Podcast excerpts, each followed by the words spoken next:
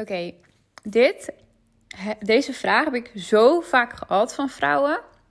Van, ik geloof al, maar mijn man nog niet. Of ik zie iets al, ik voel iets al. Heel veel van jullie zijn vooruitziend of kunnen in de geestelijke wereld zien of voelen. Of ehm, weet je, merken aan je intuïtie heel duidelijk iets van hoe het best zou werken. Maar je man ziet dat nog niet. Hoe ga ik hiermee om? Nou, de meeste van jullie zijn ook uh, slim genoeg om te weten dat op het moment dat je daarin heel erg de leiding gaat nemen of iets heel erg door gaat zitten duwen of uh, hem gaat zitten vertellen hoe het moet, dat dat averechts werkt. Dat je daarmee zijn mannelijkheid ontneemt en dat de kans alleen maar groter is dat, dat hij de volgende keer niet naar je luistert. Dus hoe ga je daar dan wel mee om? En wat ik merk is dat dan toch veel vrouwen de neiging hebben om dan dus heel erg na te gaan zitten denken over: oké, maar hoe kan ik het dan tactisch brengen?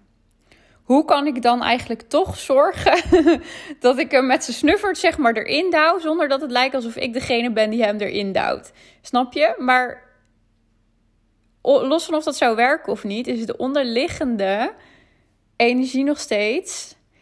Ik vertrouw mijn man niet helemaal genoeg dat hij dit zelf gaat ondervinden. Ik vertrouw God niet helemaal genoeg om mijn man aan te raken. En dus zijn we alsnog eigenlijk gefocust op het op onze manier willen krijgen. En er is niks mis mee dat je het op jouw manier wil hebben. Maar omdat vanuit een nog veel ja, diepere, zuiverdere laag eigenlijk uiteindelijk en nog op een mooiere manier denk ik dat resultaten krijgen dan dat je zelf nu probeert te forceren. Is door en dit staat ook letterlijk in de Bijbel van de harten van de mannen die niet geloven zullen uiteindelijk uh, gewonnen worden tot geloof. Uh, op het moment dat die vrouw dus hè, volledig dat geloof belichaamt. Dat is niet letterlijk hoe het er staat. Ik heb deze verse, ik, zal hem even in de omschrijving van deze podcast zetten. Maar door zelf de belichaming te zijn, door te laten zien wat God in jouw leven heeft gedaan, door dat te ademen, door die, weet je, die zachte, um, en tegelijkertijd krachtige vrouw te zijn. Door, ja, doordat jij het levende bewijs bent van de vernieuwing die Jezus en God in jouw leven hebben gebracht. Weet je, een belichaming spreekt veel meer dan duizend woorden. En gaat veel meer impact maken dan dat je iedere keer een soort van die, hoe zeg je dat? Zaadjes gaat zitten uh, voeren.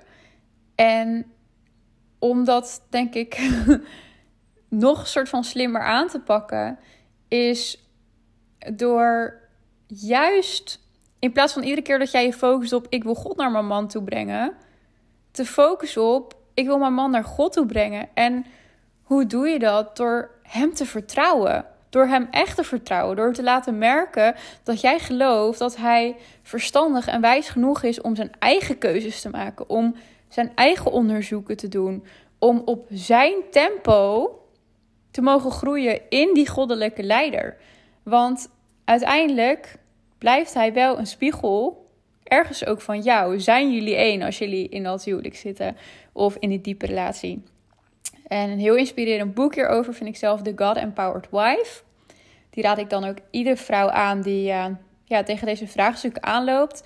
Maar ik merk nog veel te vaak dat wij proberen om het geloof op een subtiele manier door onze man zijn strot te douwen. En ik geloof dat dat uiteindelijk niet werkt. En weet je waarom niet? Op het moment dat hij die keuze zou maken omdat jij het naar hem toe hebt gebracht, omdat jij hem hebt overgehaald, zou het niet een zuivere keuze van hem naar God toe zijn?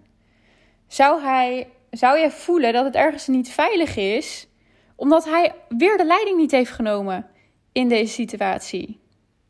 Dat heb jij gehad. Jij hebt de touwtjes weer in handen gehad. Jij hebt de boel beïnvloed. En dat wil je juist niet als vrouw om je veilig te voelen. Je hoeft hem niet te vertellen hoe hij zou moeten bidden. Je hoeft hem niet te vertellen hoe dingen in elkaar zitten. Je kan wel uit enthousiasme delen over jouw ervaringen, hoe jij naar dingen kijkt, hoe jij je over dingen voelt. Maar zorg dat dat vanuit een zuivere intentie is en dat je dat dicht bij jezelf houdt en niet continu vanuit een dubbele agenda opereert omdat je eigenlijk niet voldoende vertrouwd hebt dat God niet gewoon op zijn tempo door jouw man heen werkt. En ja, daar kan God jou voor inzetten, maar daar hoef je niet zo hard je best voor te doen. Daarvoor hoef je hem niet te overtuigen. Daarvoor hoef je hem niet te leiden. En over dat stukje leiden heb ik een aparte podcast opgenomen.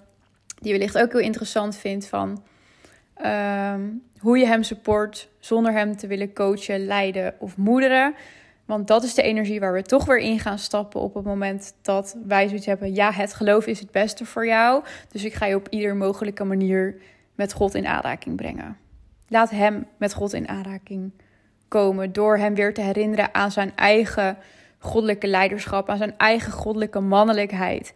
Wat je waarschijnlijk veel meer doet door hem echt te vertrouwen, door hem echt te sporten, door als de beste versie van jezelf te komen opdagen, door hem te overspoelen met jouw liefde en door hem te laten merken hoe erg je hem ja, vertrouwt met zijn eigen keuzes. En bidden kan natuurlijk geen kwaad, maar net zoals bij ieder gebed mag je weten dat God jouw gebeden ook hoort. En dat Hij door jullie heen werkt, dat Hij door je man heen werkt, dat Hij door jou heen werkt. En dat het uiteindelijk Zijn timing is en Zijn plan.